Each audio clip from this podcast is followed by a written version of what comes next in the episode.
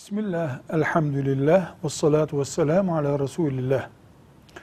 İyi insana iyi eş, kötü insana da kötü eş mi gelir? Ya da böyle olmalı mıdır? Ya da Allah böyle mi istiyor? diye bir soru soracak olursak, deriz ki evlilik yüzde yüz kaderledir. Rabbimiz kime nasıl bir eş yazdığını bilemeyiz. Biz iyi eş, bizden daha iyi bir eş olsun isteriz. Erkek iyi bir kadın, kadın da iyi bir erkek eşim olsun ister, istemelidir.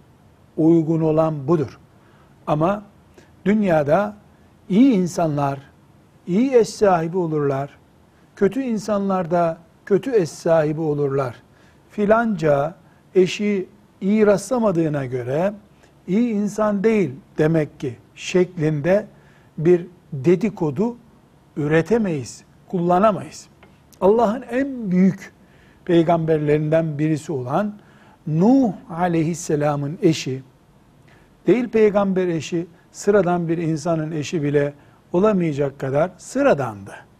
Aynı şekilde Lut aleyhisselamın eşi de peygamber eşi olacak bir insan değildi. Ama o peygamberler Kur'an'ımızın da örneklendirdiği gibi eşlerini boşamadılar. Çünkü iyi insanın iyi eşi olur. Kötü insanın kötü eşi olur diye bir kural yoktur. İyi insanlar iyi eşe rastlarlarsa şükrederler. İyi olmayan eşe rastlarlarsa sabrederler.